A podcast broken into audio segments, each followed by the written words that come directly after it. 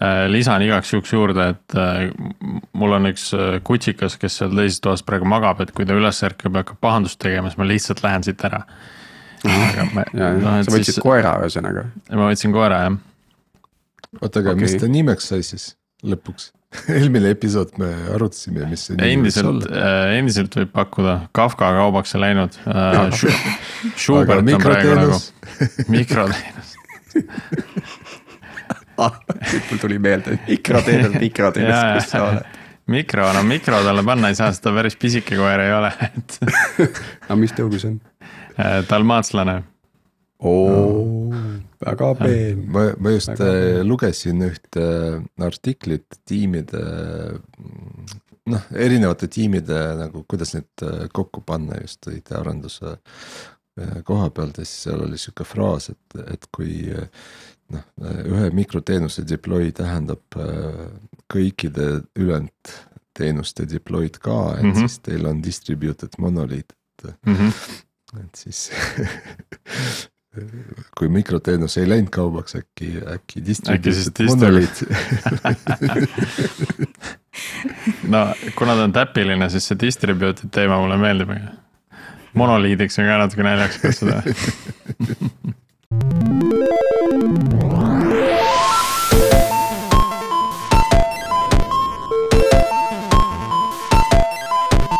täna on üheksateistkümnes november ja oled taas Algorütmi lainel.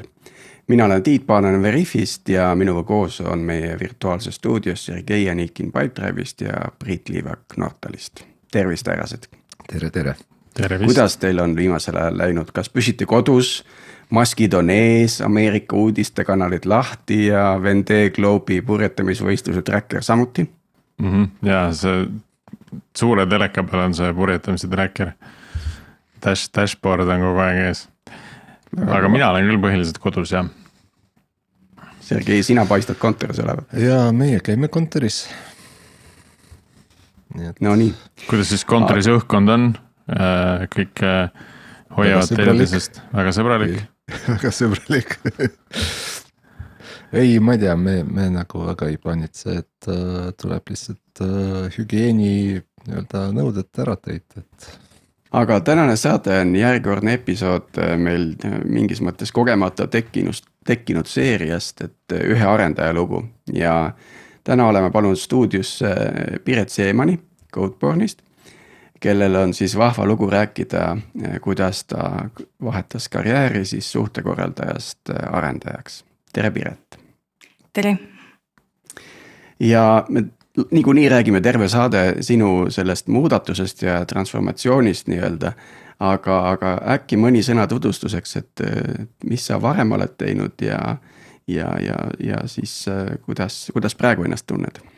ütleme nii, et ma õppisin, õppisin Tartu Ülikoolis suhtekorraldust ja siis töötasin selles vallas umbes kümme aastat.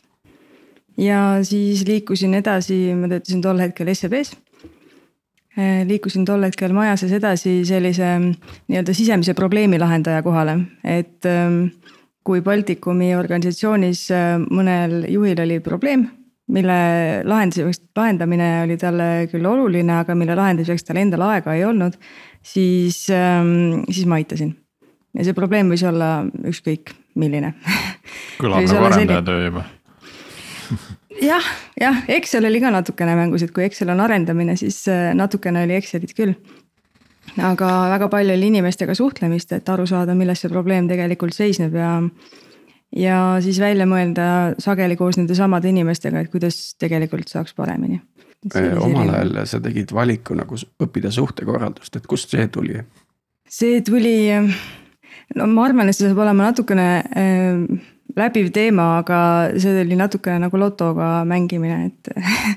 et ähm, pärast keskkooli ma väga täpselt ei teadnud, mida ma tahan teha. ma õppisin reaalkoolis, reaalkallakuga klassis ja, ja pärast, äh, pärast seda ma tundsin, et äh, võib-olla reaalained nii palju korraga ei taha edasi õppida.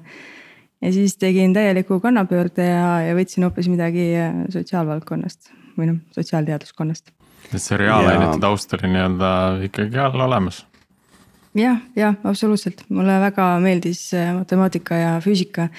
aga kumbagi oli kaheksa tundi nädalas ja siis, siis, siis ma tundsin, et see ei ole võib-olla enam see. ja, ja nüüd see on ikka, kui head asja saab. kuidas? Et nüüd sa oled täiesti uues rollis, et äh, kuidas ennast praegu tunned selles rollis? Ehm, järjest paremini aga eks ta, eks ta on selline work in progress. ma mäletan, kui, äh, kui ma tulin Codeborne'i praktika intervjuule, siis ähm, üks intervjueerija Aho ütles mulle, et, et noh, et tead, et arendajaks õppimine on ikkagi niimoodi, et, et seitsme kuuga võib saada trollijuhiks, aga arendajaks ei saa ma nagu tol hetkel ei osanud väga palju sellest arvata, et ähm, ma olin ähm, äh, õppinud äh, programmeerimist tollel hetkel, ma arvan, kuus nädalat, neli nädalat, no vähem, vähem ja vähe ühesõnaga. ja ma suutsin öelda, millal oli see päev, kunas ma sain teada, et on olemas äh, üleüldse muutujad või meetod. et see oli väga lähiminevikus olnud ja siis äh, Aho ütles, et okei okay,, et seitsme kuuga siin ei juhtu midagi, ma mõtlesin, et no okei okay,, et äkki ikka juhtub ka, et vaatame aga no tänaseks on natuke rohkem aega mööda läinud ja, ja noh, Ahol oli õigus, et ei ole midagi öelda. Mhm. õppimine mm -hmm. samas jätkub kaua. sulle hea kondiga närida, eks ju. jaa, absoluutselt. no kui me nüüd äh, tuleme tagasi, astume veel korra enne sammuke tagasi sellest äh, Codeborne'i asjast Äh, kuidas sa jõudsid üldse selle mõtteni, et äh, teeks selle vahetuse või et äh, hakkaks programmeerimist üldse õppima mm? -hmm. mis sinu jaoks see sütik oli nii-öelda selle, selle mõtte jaoks? sütik oli, oli see, et ma tundsin ka selle probleemide lahendamise töö peal, mis iseenesest oli väga vaheldusrikas, sest ma kunagi ei teadnud, mis riigis, mis probleemi ma lahendan, kas see on finantsalane, kas see korra oli ka tegelikult ähm, IT-projektiga seotud ärimuudatuste kaardistamine, see võis olla mis iganes, et. Ähm, et ühel hetkel seal hakkas ikkagi tekkima rutiin. ja, ja siis ma vaatasin, et, et ma olen sattunud mugavustsooni, et äh, oleks aeg midagi teha. et äh, mulle meeldivad väljakutsed ja siis tekkis tunne, et, et ei ole väljakutset, et peaks midagi teisiti tegema. ja ma mõtlesin tükk aega, mis asi see võiks olla, et, et mida ma tahan teha ja ei mõelnud välja. Ja siis äh, vahepeal äh, võtsid ühendust minuga kunagised kolleegid ja ütlesid, et, äh, et meil siin Eesti eesistumise juures oleks vaja hädasti üldsegi pressiinimese abi. Läksin, olin seal üheksa kuud, jõudsin tagasi panka, mõtlesin, et ei, et ma ikkagi tahan midagi muud teha. aga mis see on, ei teadnud ja siis üks äh, eesistumise kolleeg soovitas, et äh, kuule, aga et äh, vali IT, et äkki see on sinu teema, et. et noh, me olime koos töötanud kusagil kümme kuud. ja ta oli natukene näinud, mis, mis inimene ma olen ja mis mulle võiks sobida ja meeldida. ja siis ma jäin selle peale mõtlema, et äkki tõesti, et programmeerimisest ma tol hetkel ei teadnud eriti midagi ainult nii palju, et elukaaslane oli otsustanud äh, viie-kuue aasta eest, et ta tahaks äh, omal käel programmeerima õppida hobi korras lihtsalt niisama, et paari asja teha. ja siis ma kõrvalt olin natukene näinud, aga ega ma ei teadnud, mis see on ikkagi. ja, ja siis nii palju, kui ma programmeerimisest teadsin, teadsin ma nii palju, et, et seal ilmselt on abiks see, kui sa oled süstemaatiline. ja ilmselt see annab võimaluse töötada üsna loominguliselt ja need kaks äh, linnukest olid kirjas, siis ma mõtlesin, et okei okay,, okei okay,, proovin. ja see on noh, mingil määral see oli juhuslik aga, aga natukene ka kaalutletud. tundub nagu hästi kergesti tuli see otsus, et noh, hüppan siis, muudan oma elu sada kaheksakümmend kraadi hüppan sinna teise, teise valdkonda no ma olin kaks aastat enne seda mõelnud, et mida ma tahan teha ja no, okay. ühtegi loogilist järeldust ei tulnud selle kahe aasta ja mõtlemise peale ja, ja mugavustsoon muudkui süvenes ja süvenes. ja väljakutseid äh, ma otsisin äh, väljaspoolt tööd väga palju, tegin erinevaid projekte.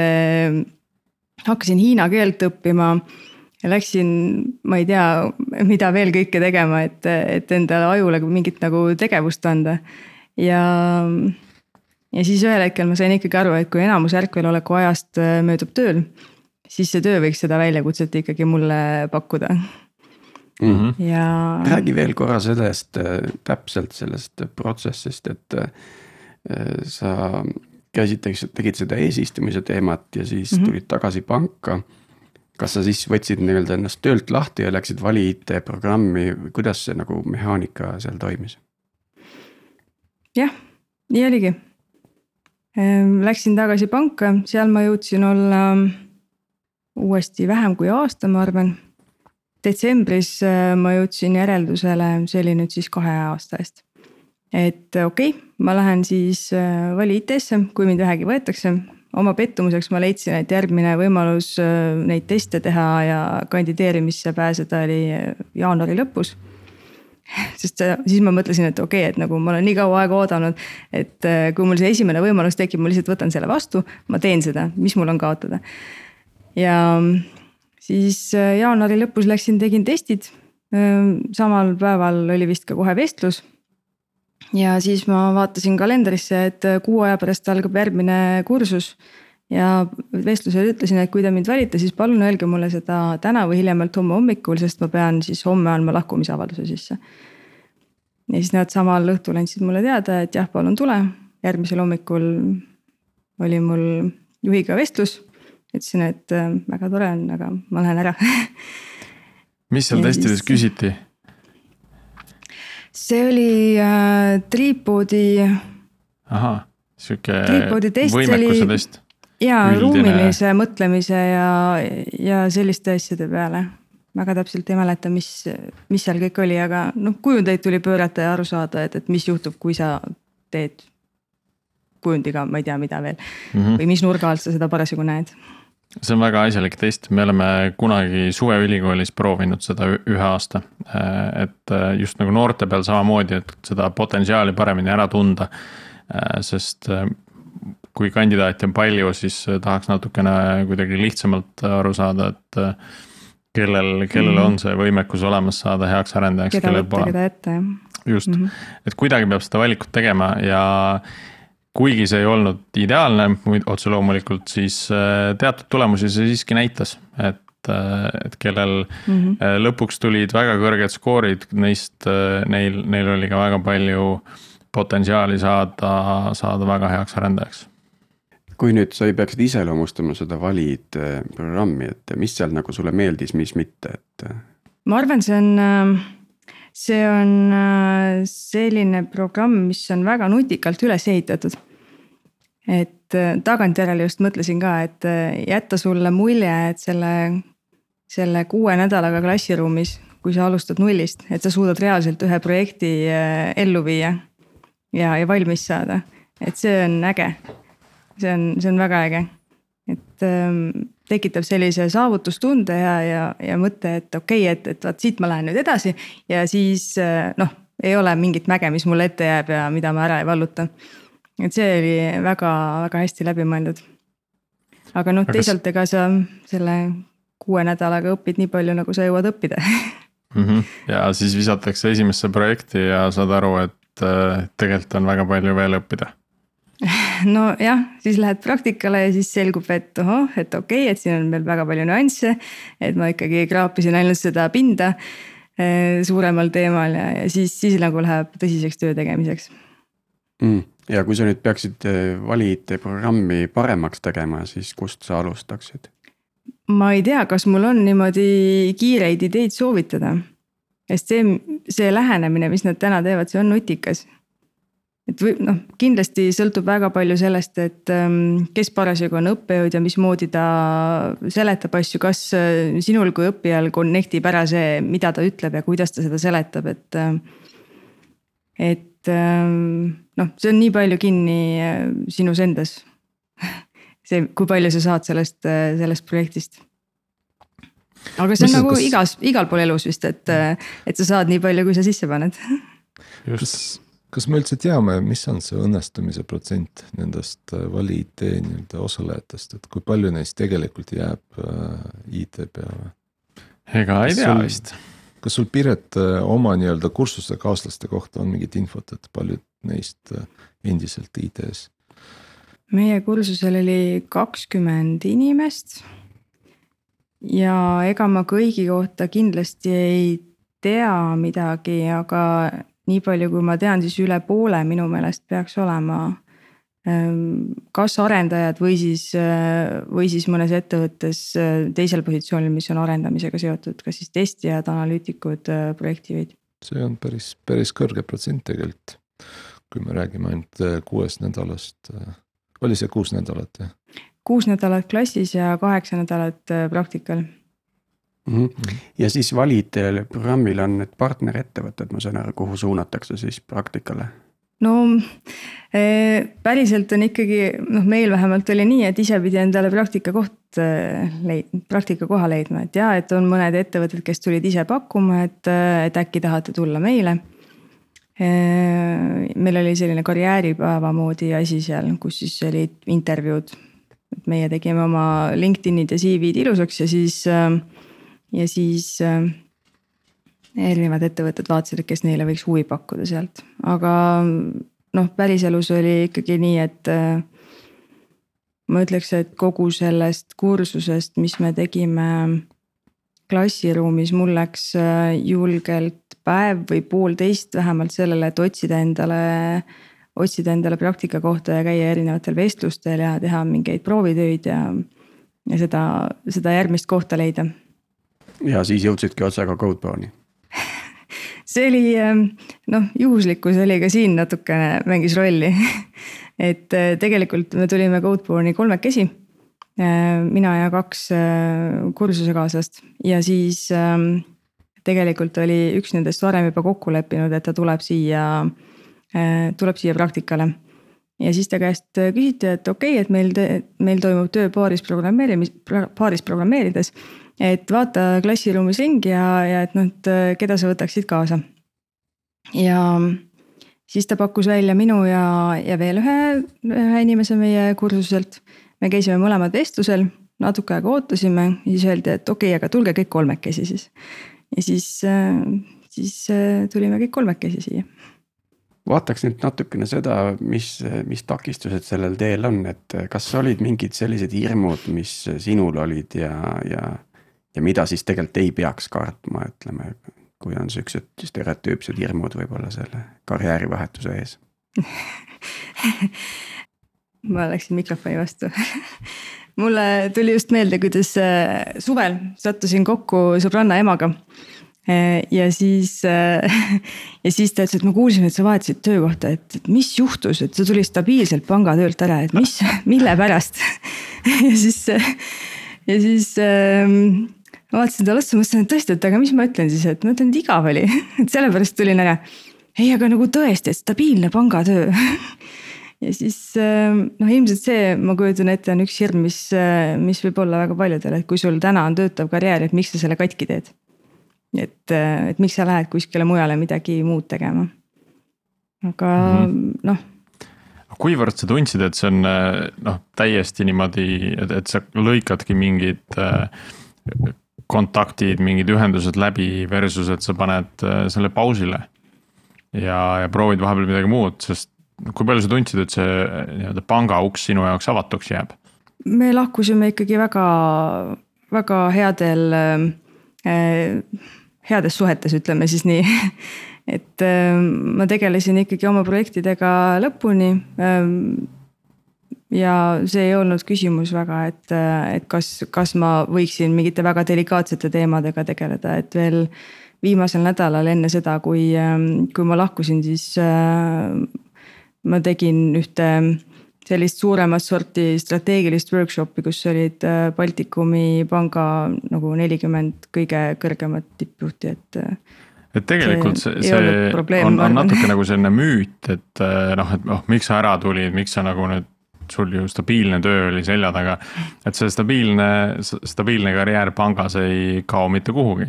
see on sul endiselt nii-öelda CV-s alles ja, ja kui mm -hmm. sa väsid ära IT-st, siis, siis sa saad sinna alati ju tagasi minna. selle põhjal, mis sa, mis sa seni saavutanud oled. ma arvan küll ja noh, teisalt elu on, on ikkagi päris pikk et äh, ma mõtlen, mu vanaema oli kaheksakümne viie aastasena veel täie mõistuse juures ja, ja okei okay,, võib-olla ei oleks jooksnud äh, maratoni ja võib-olla ei oleks olnud väga füüsiliselt aktiivne, aga, aga mõistus oli täiesti omal kohal.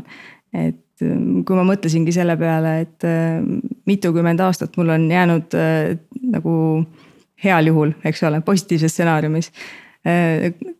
terve mõistusega aega, et mis ma siis tahan teha sellega. Ja, ja ma arvan, neid muutuseid elus noh, neid tuleb ette nii või naa, tahad või ei taha, et pigem siis juba vali, mida sa tahad teha kui me hüppame korra sinna õppeprogrammi või sorry, Sergei, sa tahtsid midagi küsida? ma tahaks juba äh, tehnoloogiast rääkida. ja Aga... ma tahtsin sinnasamma minna, ma tahtsin ka minna tehnoloogiasse. nii et äh, anna aga tuld, Sergei. Küsi ise mõtlesin sinna koolituse osas, et mis tehnoloogiad seal siis olid, millest teile hakati pihta seda programmeerimise õpetamist, et kas võeti Pythonit nagu ülikoolis täna seda tehakse või äh, tegite midagi muud, hakkasite sealt, mis endale meeldib? vali IT-st, eks ole, räägime. just, just mm, -hmm. jaa seal oli nii, et ma arvan, poolteist päeva rääkisime JavaScriptist ehk siis nagu väga põgusalt. Ehm, enne seda tegelikult soovitati meil läbida kaks ehm, Udacity, ma arvan, kursust, mis olid Java algkursused siis, et nagu, nagu väga nullist pihta hakates mm. -hmm. siis pool päeva, ma arvan, oli meil HTML-i, üks päev oli, äh, üks päev oli SQL-i ja siis poolteist nädalat äkki tegime Javat tegime Javat, õppisime SQL, see kõik kõlab nagu väga ilusalt, aga no reaalsuses oli ikkagi see, et äh, select ja, ja kuidas siis edasi läheb mm. -hmm. ja no, et Javas, et, et mis on muutuja, eks ole, ja, ja. ja oli inimesi, kes äh, esimesel päeval said teada, et on olemas muutuja ja oli inimesi, kes veel teisel nädalal ei olnud väga kindlad, et. et miks nüüd kõik hoopis teisiti käib, kui eelmine nädal me JavaScriptis õppisime niimoodi, et et siis Java on teise, teine keel ja, ja kõik nagu sellised asjad olid ikkagi, olid vahepeal laual mm. -hmm. aga see, et mitu, mitu keelt nagu korraga ette võtsite, kuidas sa ise seda näed ja tagantjärgi vaatad, et hindad, et kas see oli pigem plussiks või see pigem just tekitaski segadust? no lõppkokkuvõttes see oli kindlasti mõistlik, sest see projekt, mille me tegime, oli, oli nagu veebirakendus. see, siis sa näed reaalselt oma, oma töö tulemust ja sa näed, et midagi juhtub, kui sa, kui sa kuskile vajutad. et sa päriselt tegid mingi kastikese, mis võtab sisse input'i ja siis see läheb kuskile edasi. et see oli nagu selline noh, nagu saavutuse tunne oli, oli olemas selles mõttes mm -hmm. oli kindlasti hea, aga, aga segadust tekitas kindlasti ka, see ei ole küsimus mm. -hmm. mis rakendus see oli, mida te ehitasite? Ehm, me tegime kahe peale sellise rakenduse, millele me panime ambitsioonika nime Kingi robot ehk siis äh, mõte oli selles, et kui äh, sa pead näiteks sünnipäeva äh,, sul tulevad külalised, nemad ei tea, mida kinkida, aga sina tead, mis sa tegelikult tahaks saada et siis sa paned kirja asjad, mis sa tegelikult tahaks saada ja su külalised saavad äh, valida, et mida nad siis sealt kingivad, saavad nagu panna linnukesed, nemad võtavad selle asja just ära ja siis nemad toovad sulle. ma ei tea, selle raamatu, mida sa tahtsid või, või mm, -hmm. või võib-olla sul on uut vaasi vaja, mida iganes. kas see idee tuli teie poolt või, või see oli sealt Vali IT õpetajate poolt välja pakutud mõte?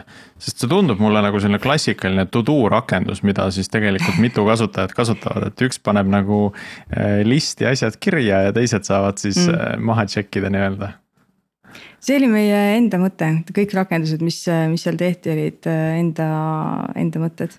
Kui kellelgi seal... väga häda oli, et siis õpetaja kindlasti mõtles kaasa, aga mm. -hmm. aga see õpetaja seal noh, siiski valideeris seda ideed, et Äh, tõmbas mõne koha peal pidurit ka, et kuulge, natuke liiga ambitsioonikalt võtate ette või. või kõik ideed olid lubatud ja andis, andis võimaluse igal hullul ideel nagu proovida noh, eks esialgu, esialgu andis ikkagi rohelise tule, et äh, siis, kui vahepeal läks väga nüansirohkeks, siis tavaliselt äh, hakkasid inimesed aru saama, kes seda rakendust tegid, et, et võib-olla see käib ikkagi üle jõu. või mõne, mõne teema peal ütles ka õppejõud, et oota, kuule, et ära, ära sellega äkki praegu tegele, et, et et see on natukene palju. ja see rakenduse, kuidas te seda nagu, äh, seda ehitama hakkasite, et kas seda, selleks pakuti ka mingisugune struktuur või lähenemine välja?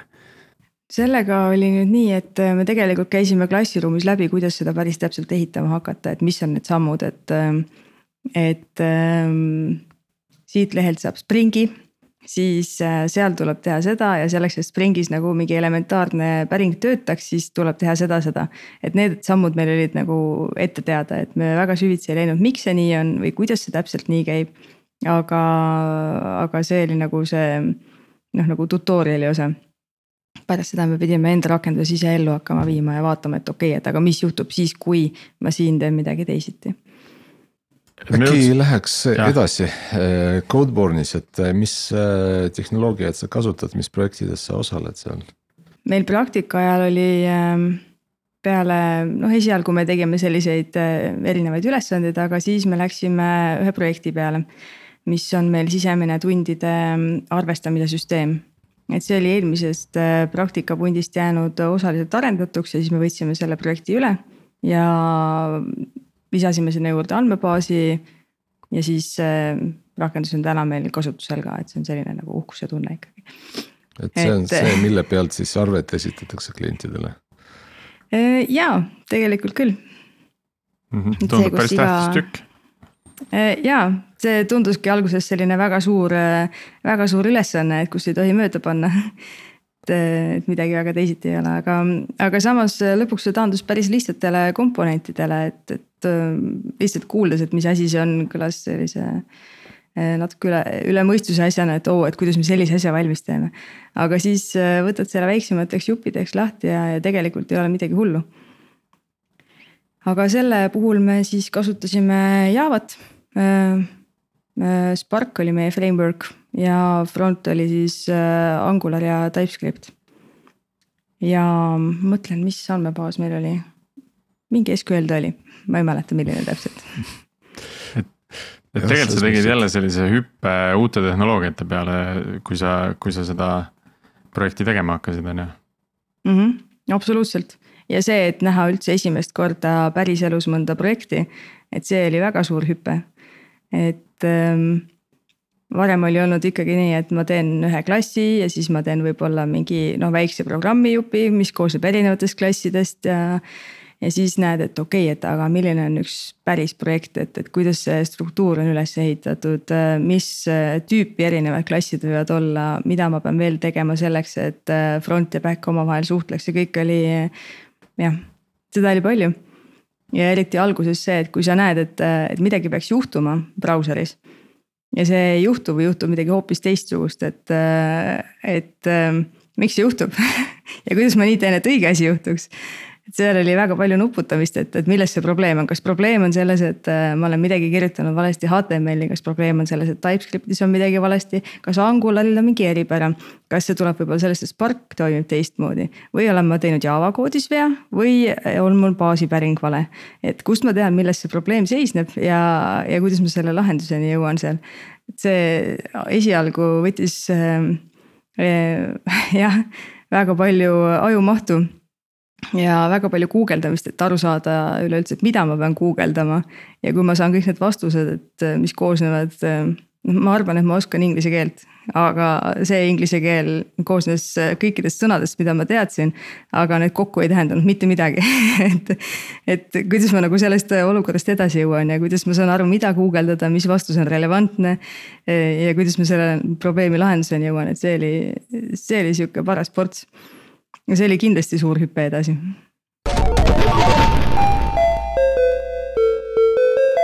sul on nüüd olnud neid väljakutseid ridamisi siin, et ähm, kas sa mäletad seda hetke, kui äh, sa nagu tundsid, et oh, et, äh, et see asi mul on nüüd nagu hakkab käppa saama või mingi, et ühesõnaga tekkis mingi kindlus.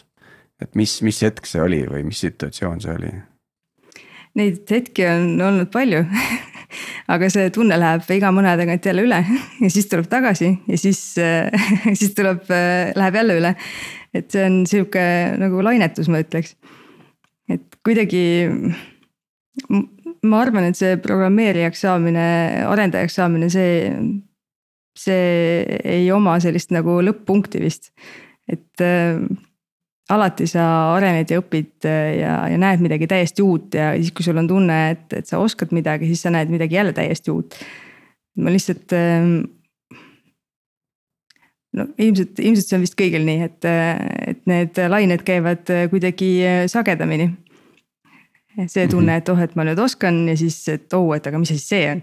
et kuidas see käib üldse? Codeborne'is see paaris programmise lähenemine ilmselt aitab päris kiiresti sellele arengule kaasa. absoluutselt, et äh, mul selles mõttes on väga, väga vedanud, et äh, mul on äh, kolleegid, kes, kes teavad, mis nad teevad ja, ja kelle käest ma saan alati küsida, et, et mis, mis toimub. et ma olen varem olnud tavaliselt teises rollis, et varasemates töödes, kus kus siis äh, minu käest on pigem nõu tulnud küsima, sest et ma olen mingis valdkonnas nii kaua aega juba töötanud, ma tean, kuidas mingi asi kuskil käib. et see rollivahetus on minu jaoks väga põhjalik olnud et, äh, et nüüd olen mina see, kes, kes küsib ja, ja mul on väga, väga suur lugupidamine oma kolleegide vastu, kes, kes viitsivad nende jaoks ilmselt väga elementaarseid asju seletada ma arvan, et see on natukene nagu see olukord, kus äh, sa lähed reisile, sa oled äh, täiesti võõras riigis. sa räägid seda, selle võõra riigi keelt äh, noh, niimoodi peaaegu. et sa oled selgeks õppinud numbrid, mis on vasak-parem ja et mis on hea-halb ja siis võib-olla, et kas sulle terav toit maitseb või mitte. ja siis sa lähed sinna võõrasse võõrasse linna ja sa saad aru, et, et okei okay,, et ma ei saa aru, kus mu hotell on ja küsid kohaliku inimese käest, kes teist keelt eh, noh, ilmselt räägib ka. aga küsid tema käest, et kuidas minna sinna oma hotelli ja siis, eh, ja siis see kohalik peab sulle seletama, et kuidas, kuhu minna. ja tema jaoks on ilmselt väga kummaline see, et, et okei okay,, et see on viiesaja meetri kaugusel, et mis siin nii keerulist on. aga sina kuuled, et vasakule, paremale, kolmandast kollasest uksest kuhugi suunda, kas mingi koer on kuri või mitte, et see on nagu noh. see ei pruugi üldse nii lihtne olla, mina kogesin seda, sedasama Ehm, ükskord Tais oli see, kus mulle öeldi, et see hotell on siinsamas. aga noh mm, -hmm. ma vaatan, ma seisan seal ees, ma ei näe, no kus see hotell on, siin ei ole ju, siin ei ole isegi ust mm -hmm. mitte, no lõpuks tuli välja, et oligi tegelikult sealsamas. ma lihtsalt ei osanud nagu vaadata õigesse kohta või ei os- mm, -hmm. ei osanud ära tunda seda ust, eks ole, et. et vahel need asjad näevad lihtsalt teistmoodi välja, eks. jah ja see kohalik ilmselt vaatas sind sellise näoga, et ma ei saa aru, milles probleem ja, on. ja, ja lõpuks ta tuli, võttis mul käe alt kinni ja viis mu sinna ukse juurde, näitas, näed, siin on. aga, aga noh, nendest sõnadest mina, mina aru ei saanud mm. -hmm. nüüd äh, Codeburnis töötades äh, sul on te teistsugused kolleegid ilmselt kui, kui pangas töötades, et äh, mis, mis sind nagu üllatas selles, et kuidas IT-maailmas ja mis inimesed seal töötavad no selles mõttes see muutus on olnud natukene suurem jah, et ähm, Codeborne'is on kolmkümmend, nelikümmend inimest tööl. ja senimaani kõige väiksem kollektiiv, kus ma olen töötanud, on no üle kahesaja. et see juba see, kui, äh, kuivõrd noh, ma tean kõiki inimesi, kellega ma koos töötan äh, mitte ainult, et nägupidi, et see inimene töötab minuga koos, vaid ma tean tema nime ja ilmselt äh, veel paari asja et äh, võib-olla jälgime Vendee Globe'i koos, nagu ma saan aru, teie jälgite et. Ähm, Tiit on vist see peamine jälgija, ma arvan. kas sa ise selle äh, virtuaalse reisiga oled ka ühinenud? ei, selleks aega ei jätkunud. see on jah, ma tunnetan ise ka, kuidas see on väga nõudlik äh, mäng aga jah, ühesõnaga see asja, asjaajamine kindlasti, mis on äh, Codeborne'is, on väga palju lihtsam. et äh, kui sul on ikkagi sadu või noh, või viis tuhat inimest näiteks, et siis see, kuidas sa, kuidas sa, ma ei tea, saad ähm, mingi uue arvutijupi näiteks, sest vana ütles üles, see on ikkagi teistmoodi. ja, ja no kindlasti, äh, kindlasti ka tänu sellele, et me omavahel noh, nii tihedalt kokku puutume, et siis, äh, siis me saamegi väga hästi läbi mm.. aga nüüd ütleme arendaja kui selline, et kas sul ennem oli midagi, mingi muu teine ettekujutuse arendaja? milline ta peakuju on, ütleme. kas see murdis mingeid stereotüüpe sinu jaoks no selles mõttes, et äh, et ega see arendaja nüüd ei ole ka selline nagu unicorn, keda nagu tänaval muidu ei kohta, et äh, mul on tegelikult äh, sõpru ja tuttavaid, kes on arendajad ja. ja on täiesti normaalsed inimesed, ei ole neil viga midagi. et saab ilusti jutule ja asju, asju räägitud, et ma arvan, et see ei ole mingi selline eripärane inimtüüp. Kas, kas nendega sa juhtumisi ka konsulteerisid, enne kui sa selle päris suure sammu ette võtsid ja vali IT-sse läksid, et. et kas nad hoiatasid sind, millesse sa segad ennast senimaani ma ei ole ühtegi hoiatust kuulnud, et Priit, kas sa tahad mind hoiatada millegi eest ma vist ei ole aru saanud, millesse ma ennast seganud olen sel juhul jah, no tegelikult sa natukene tõid ka ise neid äh, aspekte välja, et kogu aeg on äh, uued asjad laual ja kõik on pidevas muutumises mm -hmm. ja need väljakutsed on uued, kui see sulle sobib, see on suurepärane mm. -hmm. lihtsalt. see ongi äge jah, see ongi äge, et sellist mugavustsooni tegelikult arendajana mitte mm -hmm. kunagi ei teki, et ka ma usun, noh aastakümnete pärast ka see kontekst meie ümber muutub lihtsalt nii palju, et mm, -hmm. et me peame ise nagu ka hoidma ennast kikivarvul, et äh, toime tulla.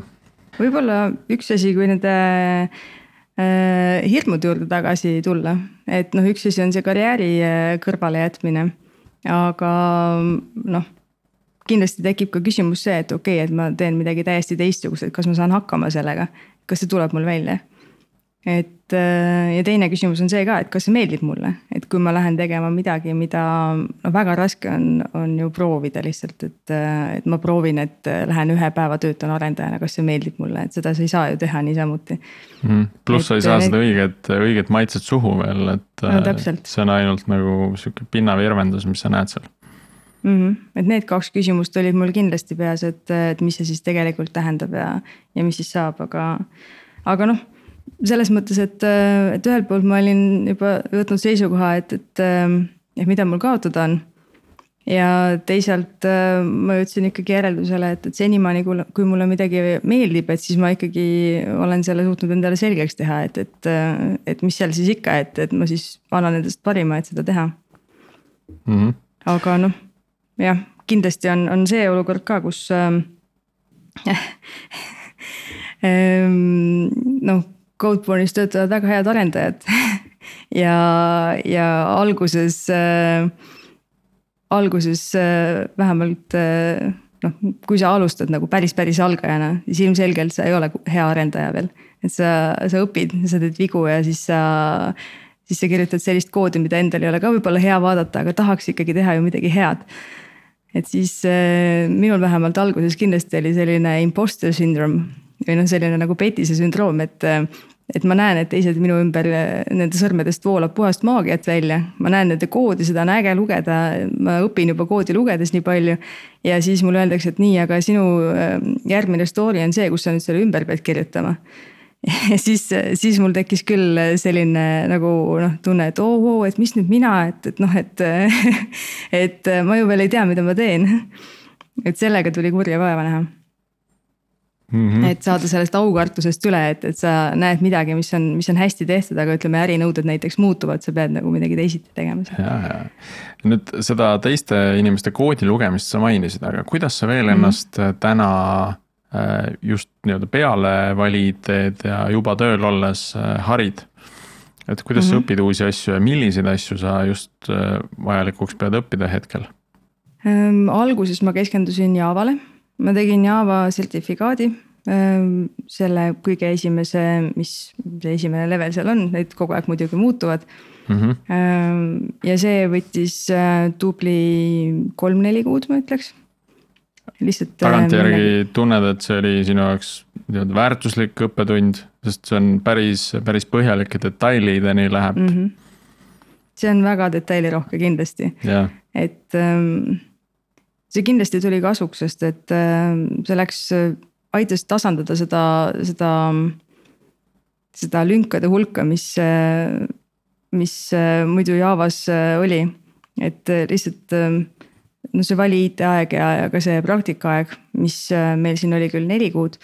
et see, ta on ikkagi piiratud, et sa ei jõua süvitsi minna nii paljudesse detailidesse, et sa endale sellise stabiilse pinnase suudaks tekitada ja siis see aitas väga palju kaasa, aga jah, selles mõttes, et väga palju oli ka selliseid, äh, selliseid fakte, millega ma arvan, ma mitte midagi peale ei hakka mm. -hmm. Kindlasti see oli ka see koht, kus, kus ma sain järjest rohkem aru, et, et mul on palju vedanud, et ma olen noh, ühesõnaga, kui seal tulid ülesanded, kus ma vaatasin koodi ja siis ma arvasin, et see kindlasti ei kompileeru ja selgus, et see kompileerub et siis, siis ma sain aru, et mul on vist läinud väga hästi, sest et ma olen näinud sellist, sellist koodi ma ei ole näinud lihtsalt et sellist, kus on ma ei tea, seitse terneri if'i üksteise sisse pandud ja, ja no okei okay,, see on veel lihtne näide, aga see, kus on kasutatud operaatoreid ja, ja samal ajal omistatud kusagil sellesama expression'i sees booleani, et siis on nagu mm -hmm. selliseid asju ma ei ole näinud päriselus õnneks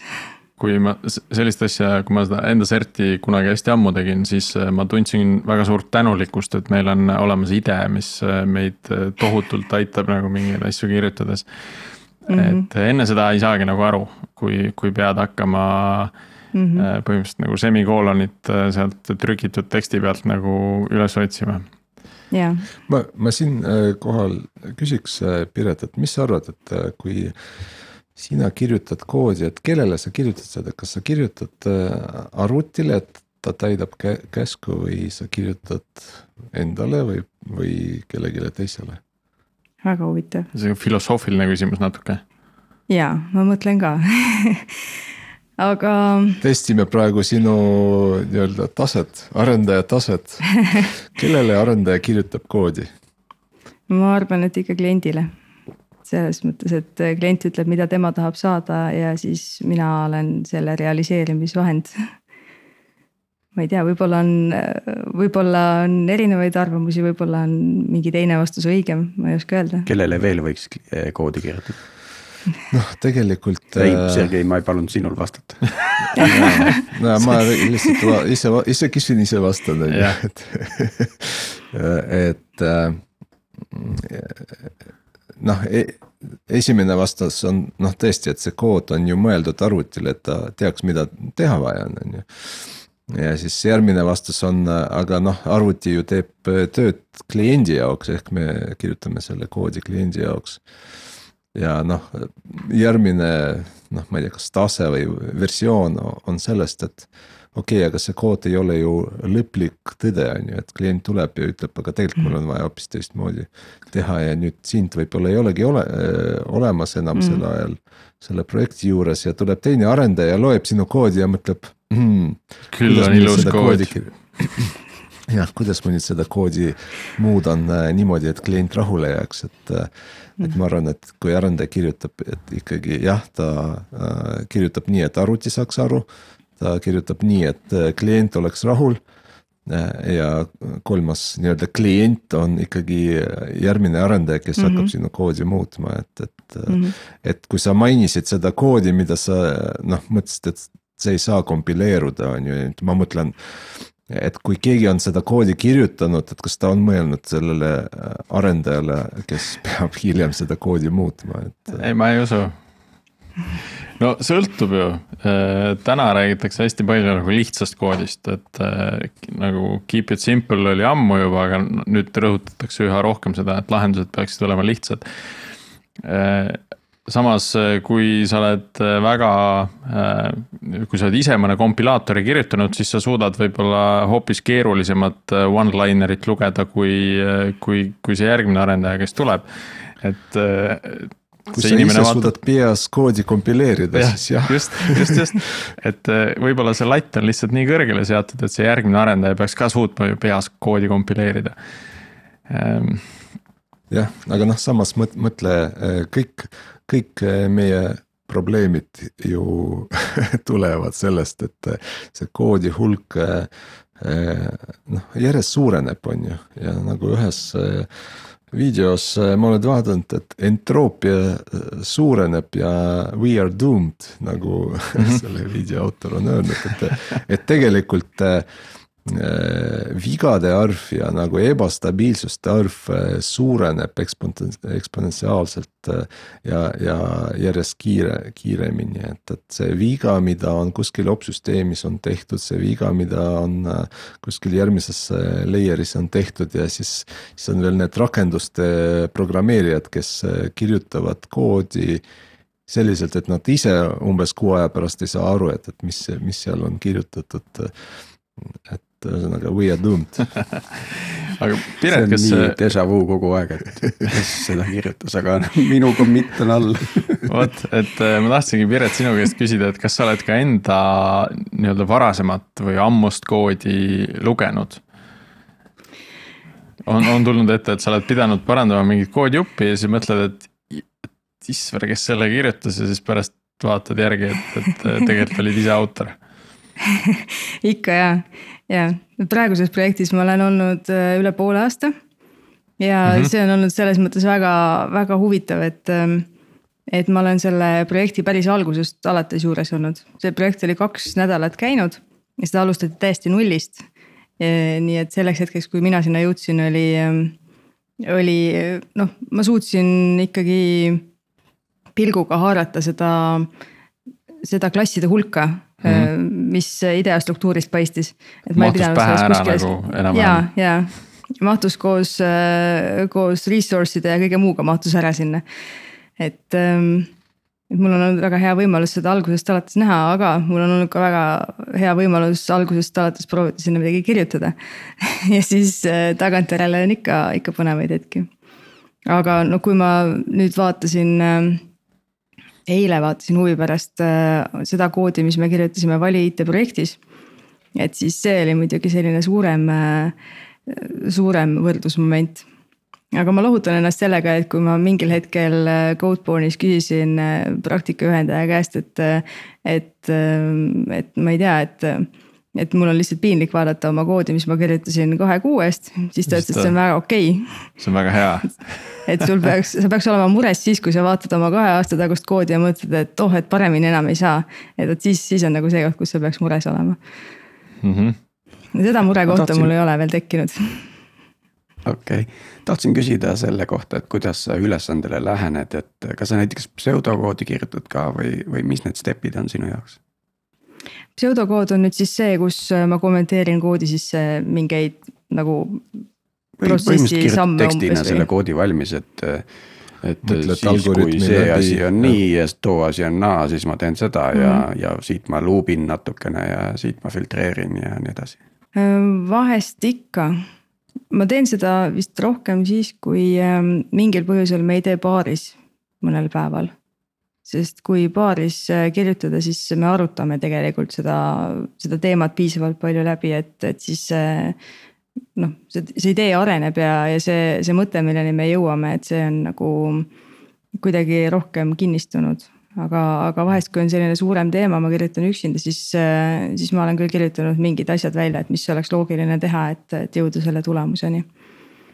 aga mis su äh, vaikimisi nagu esimene samm, et, et noh, tuleb mingi nõue või on kuskil kirjas midagi on vaja teha, et et kas sa vai-, vaikimisi nagu lähed, otsid, kas äkki keegi kuskil on juba sellist asja teinud või sa hakkad äh, vaikimisi nagu mõtlema, et okei okay,, et kuidas ma nüüd ise lahendaksin äh, sellise probleemi?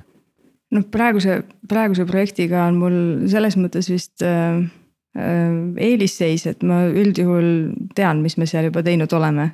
et kui me oleme mingit probleemi juba korra lahendanud ja see töötab siis äh, tundub äh, mõistlik seda taaskasutada.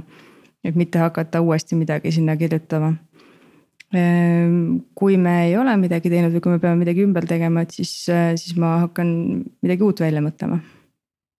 aga ma mõtlen, et üldiselt nagu internetis on ju ilmselt noh, teie probleemid ei ole unikaalsed, need on juba kellegi poolt Tõsi. kunagi ära lahendatud, on ju, et, et jällegi räägin oma isiklikest kogemust, et, et kõige rohkem rahuldust ma saan siis, kui tund-, tund-, tundub, et hästi suur probleem, aga siis sa vaatad, et raamistikus on nii palju neid juba valmis juppe, et sinu ülesanne ju neid lihtsalt kokku panna ja siis mõned read loogika äh, juurde kirjutada ja siis ongi nagu probleem lahendatud versus see, et sa hakkad kõike leiutama otsast peale, on ju, et, et mm. -hmm ma ei tea, kuidas teil nagu on, et, et ma tean, et mõnedel on jällegi teistmoodi, et mõned ütlevad, et eh, noh, ma ei tea, kuidas see seal äh, täpselt raamistikus tehtud, et parem mina ise kirjutan, et siis ma olen umbes sada protsenti kindel, kuidas see töötab ja mm. -hmm.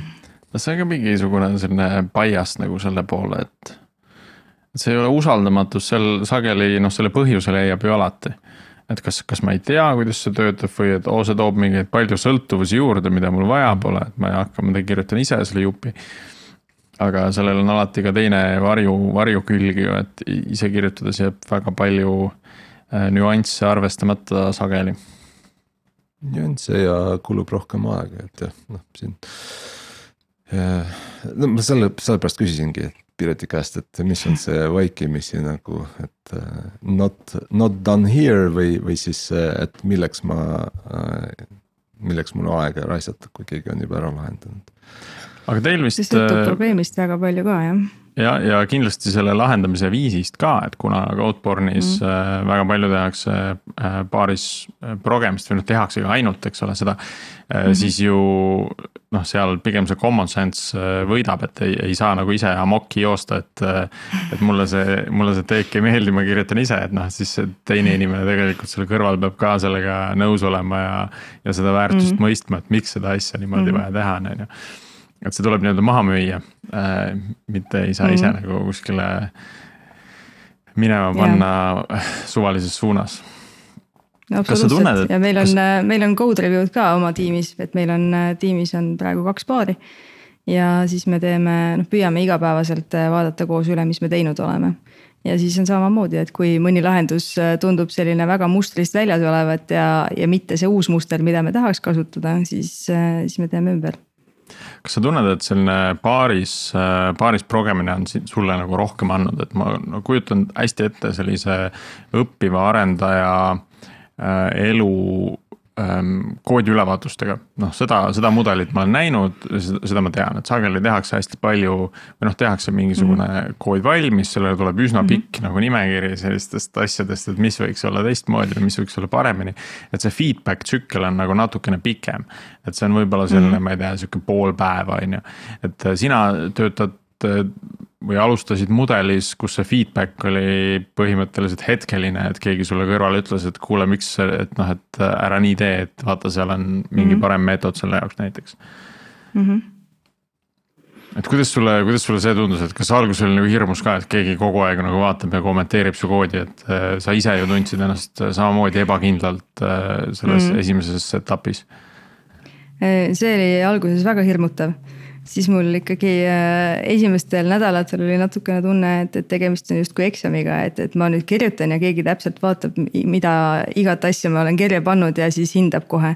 et, äh, et esialgu olid ikkagi peopesad higised, et, et jah. see oli hea meel, kui selle klaviatuuri sai kõrvale anda aga tegelikult ähm, hästi palju sõltub ka sellest, et, et mis ähm, mis inimene see teine inimene on, kellega koos paaris teha. et äh, eile meil on üks äh, praktikant parasjagu, kes äh, teeb, äh, lahendab üksinda hetkel mingit ülesannet meie tiimi juures. ja siis, siis ta kurtis, kuidas kuidas tema meelest ilmselt see paaris progemine on päris hirmus, sest keegi kogu aeg kritiseerib kõrval aga siis me leidsime, küsisime, et, et kas see on see, mis sa kuuled, et kuidas meie suhtleme omavahel mm. -hmm. et siis ta ütles, et tegelikult vist ikka ei ole. ja, ja siis äh, me leidsime ka, et, et ilmselt kui keegi sind kogu aeg ainult kritiseerib, et siis see, siis see suhe ei saa väga kaua aega toimida. et see on ikkagi ühise probleemi lahendamine, mida me tahame teha, et et lihtsalt mm. vahetame vahepeal rolli, et kes on aktiivsem ja kes on, kes noh, hoiab rohkem nagu silma peal sellel, et kas, kas kõik sai õigesti. et samamoodi see praktikant kurtis eile, et, et ta pool tundi ajas taga, et, et kus tal koodis probleem on. ja lõpuks sai aru, et tal oli üks punkt lihtsalt puudu, aga siis me leidsime, et paaris progedes juhtub see ka palju harvemini, sest et, et sul ilmselt teised, teised silmad juba näevad seda. Pluss see nii-öelda mure on jagatud, et kui kaks ja. inimest juba seda punkti üles ei leia, et noh, siis äh, siis on nagu natukene kuidagi leebem või kergem tunne on seda punkti ja, otsida ja. pool tundi, et noh. et me kahekesi ei suuda, on ju. jah. küsiks selle koha pealt, et mõned sellised kaasnevad teemad nagu näiteks testimine ja error handling ja, ja sellised teemad, et kuidas sul nendega on eh, nagu olukord ja või, või mis hetkel need muutusid nagu sinu jaoks, et okei okay,, siit, siit ma saan väärtust? et kas nendest räägiti juba seal mm. Vali IT raames või tuli see kogemus hiljem? see tuli ikkagi Codeborne'is, et Vali IT-s me testimiseni kindlasti ei jõudnud, aga noh, Codeborne mitte ainult ei tee full stack'i, vaid ähm, me testime, me suhtleme kliendiga, me paneme ise üles kõik süsteemid, me teeme, teeme, mis iganes on, on vaja selleks, et üks projekt äh, saaks tehtud. et ähm, testimine tuli meil äh, praktika ajal juba siis, kui me tegime oma seda tundide arvestamise programmi et see oligi äh, noh, seal tuli see testide tegemise võlu ja valu väga selgelt välja. Et ühelt poolt siis võlu, et, et kui test läheb katki, siis sa saad aru, et ilmselt sul on kood katki, aga valu oli ka see, et. et võib-olla peaks kirjutama natukene paremat koodi, mida on mõistlikum testida, et, et siis see andis kohe sellist instant feedback'i, et, et äkki see ei ole päris normaalne, mis ma olin koodi poole kirjutanud ja võiks teistmoodi teha. et see on, see oli nagu selline instant feedback aga pikemas perspektiivis kindlasti mulle meeldib, kui on, kui on kood testitud ja, ja noh, selles mõttes mulle meeldib ka see, kui. Kui koodis kirjutatu on kuskile natukene dokumenteeritud, et, et sa pärast tead, et miks mingi asi juhtus. sest vahest, vahest, vahest mingid olud muutuvad väga kiiresti ja see on ainult ühe inimese peas. kas äh, sa kasutad äh, tühikuid või taabe koodi lainimise jaoks? Ehm, ma kasutan Ctrl Alt L-i. jep. ideas. automaatset formateerimist jah? Jaa. see, mis projekti seadistada on. aga jah, aga kui sa vaatad need erisümboleid, kas see sinu IDE on konfitud niimoodi, et ta paneb taabe või space'e sinna ridade ette? et ühesõnaga, kas neli taabe. tühikut või üks taab? minu meelest on meil isegi kaks tühikut konfitud ühe taabi okay. väärtuseks. no vot, Tiit selge. Aga ikkagi tühikut jah, ma olen ka teie äh, camp'is nii-öelda, kui ma vajutan taabi, siis mul tuleb neli tühikut või kaks tühikut mm. -hmm. Sergei, see on, see on nagu see, see SQL andmebaasi admini video, et kas uppercase või lower case. et kuidas SQL-i kirjutada, et uppercase, lower case, igavene võitlus. ma arvan, et aga, aga ma arvan, et minu viga on see, et ma olen Codeborne'i, koos Codeborne'i inimestega alustanud. Eh, nii et nemad. Et sa juba tead, et, sa juba tead, et tühikud on õiged. tühikud jah selge pilt. okei okay,, aga tõmbame tänaseks joone alla vist. tõmbame joone alla ja aitäh, Piret. võib-olla sa siia lõppu ütled mõne julgustava sõna inimesele, kes just kuulas meie episoodi ja on samas kohas, kus sina paar aastat tagasi olid, et. et see, ma arvan, parim, parim, mis me saada, saame inimestele anda. et julgustada inimesi tegema siis seda sammu arendajaks, arendajaks saamisel.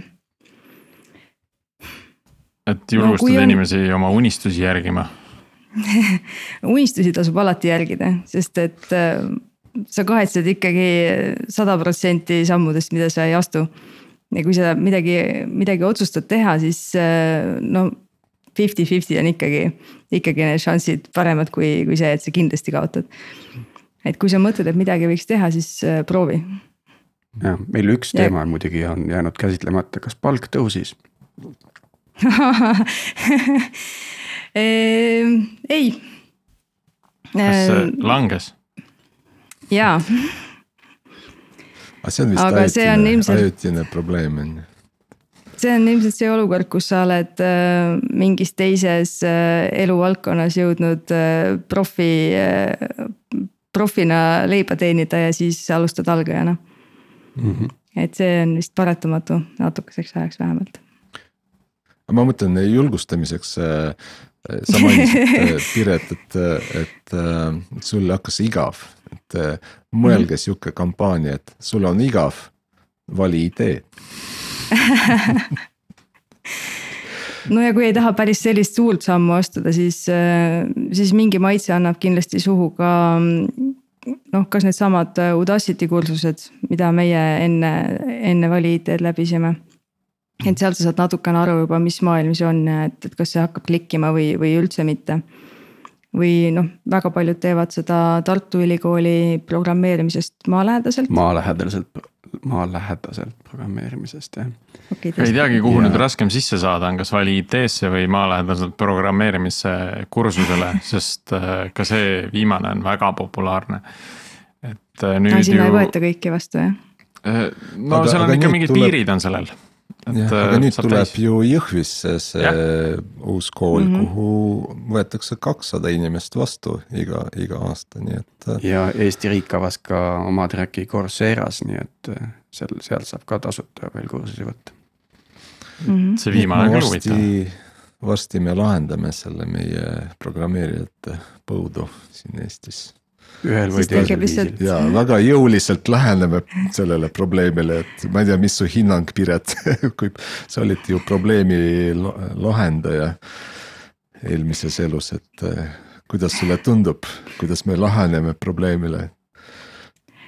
no jõuliselt jaa, ma olen nõus, aga kui valikuid on väga palju, siis äh, sageli on veel raskem valida, et see, see võib olla teine probleem. aga kui, kui idee on, et tahaks äh, arendamist proovida, siis, siis tegelikult selleks, selleks võimalusi on ja kindlasti Eesti on ju nii väike, et tutvusringkonnas või tuttava tuttav, keegi on äh, kas siis programmeerija või, või töötab IT-valdkonnas, et oskab äkki natukene nõu anda, et, et kust pihta hakata ma võib-olla küsiks. Võimatu ei ole. eh, Piret, oled sa mõnda Algorütmi saadet kuulanud? olen oled sa midagi õppinud sealt või? Kindlasti olen ja, ja üks, üks algoritmi, et äh, selline podcast'i osa siis oli, mis meil oli tööl ka väga populaarne, Eerik Jõgi, ma saan aru, et äh, ta on käinud teil ju ka külas, eks ole. ja, ja kellega vähemalt Sergei on kindlasti koos töötanud, ma saan aru. Ja, Eh, siis tema soovitas suve lõpul, teil oli tasakaalu hoidmisest üks eh, episood. ja mm -hmm, see sai meil väga positiivset eh, vastukaja, et, et ta seda soovitas meil laiemas ringis. et hea. eh, ma ei ole kindlasti ainus meie kollektiivist, kes teid hoolsalt kuulab. seda, seda on ainult rõõm kuulda meil. super, selle noodiga ongi hea otsad kokku tõmmata, aitäh Piret, et tulid aitäh kaassaatejuhtidele. Et seda ühe arendaja lugu eh, saime jälle läbi käia ja, ja kindlasti kõigile kuulajatele eh, uuesti üleskutse. nii teemade kui külaliste osas meie Facebooki grupis saab ka kaasa lüüa ja, ja olemegi juba saanud mitmeid häid ettepanekuid, mille kohe töösse ka paneme, nii et eh, kuulmiseni siis juba järgmisel nädalal